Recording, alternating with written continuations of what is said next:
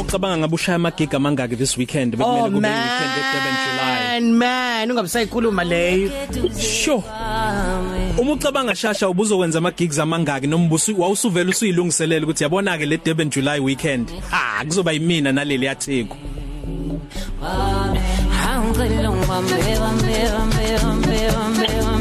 Oh we never got to, to you never got to discuss whether or not she's comfortable with isiZulu yes. Or with with some English. It's on now. It's on now babes. Hello. Hi, how are you? we're good. How are you? I'm good, I'm good, I'm good. so how is your Zulu? My Zulu is average. Like, I understand it, but then, like, it's not, uh, it's not the hundred percent. ah mara we good to go Okay so go. so if you understand then it means we can ask in isiZulu and, and then if English if you use I- English we'll just translate for our listeners Okay, okay, okay. Fantastic. So, no problem. so, so as an introduction, because we're coming out of Aglaleg, as an introduction, bengifuna ukukubuyisela nje kuma roots akho ngoba ngiya- ngiyaqonda ukuthi i- i- i i- genre oyithandayo le owawuyicula usayingane. So ngithe nje angidlala ingoma ka Shania Twain, you still the one, bese ngiyakudedela ucule naye ngoba ucula country music. And the first time you touched me,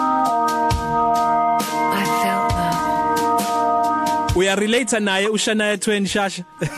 Yeah, I've heard of her music, hey? I've heard of her. oh okay. Oh noma mhlambe uthanda kakhulu o Dolly Parton. Yo, actually, I grew up listening to uh, uh, Dolly Parton. My mom used to listen to Dolly Parton a lot, hey? Yeah, yeah, yeah. Yeah. Siyakubingelela sisi siyakwamukela emsazweni ukhozi FM. Usuke wakhuluma kulomsakazo? Ma? Have you ever spoken on Ukhozi FM before? Have you ever been interviewed? I have. I have. Oh. I have actually. Oh, have you? Well, it's the first time on 12 to 3 cafe, so we're welcoming you. hey. Thank you. Thank you so much.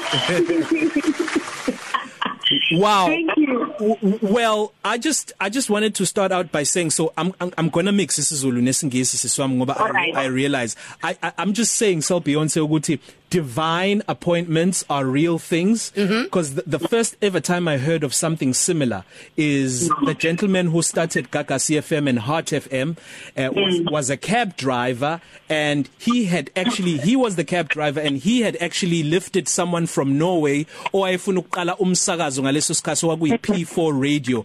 Shasha also had a similar experience. Yes. This Yeah. time around you were not the driver, you were the one actually who had called the cab. yes in the cab Yeah. Yeah. Awusixoxele ngalolu daba. Yeah, so actually, I think it was around 2017 when I, you know, decided to come to South Africa. Mm.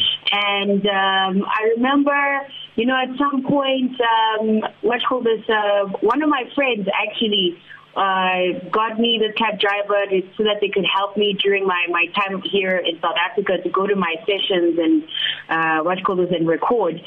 So now uh the guy he's also from Zimbabwe and you know he was always taking me to my sessions and he never really knew what I was I was doing until we finally spoke and then I was like ah yeah you know um uh, and then I I tell him that I do music and then that's when he was like ah no I know DJ Maporisa and I can link you up with him and for me it was just like a shock in that moment but it was like okay let's let's see so one Saturday evening, we go to DJ Mapodisa's place, and that's where we I meet him for the first time. And I remember playing him one of my ballads, and yeah, the rest is history. Really, I have wow seen the cab driver to think.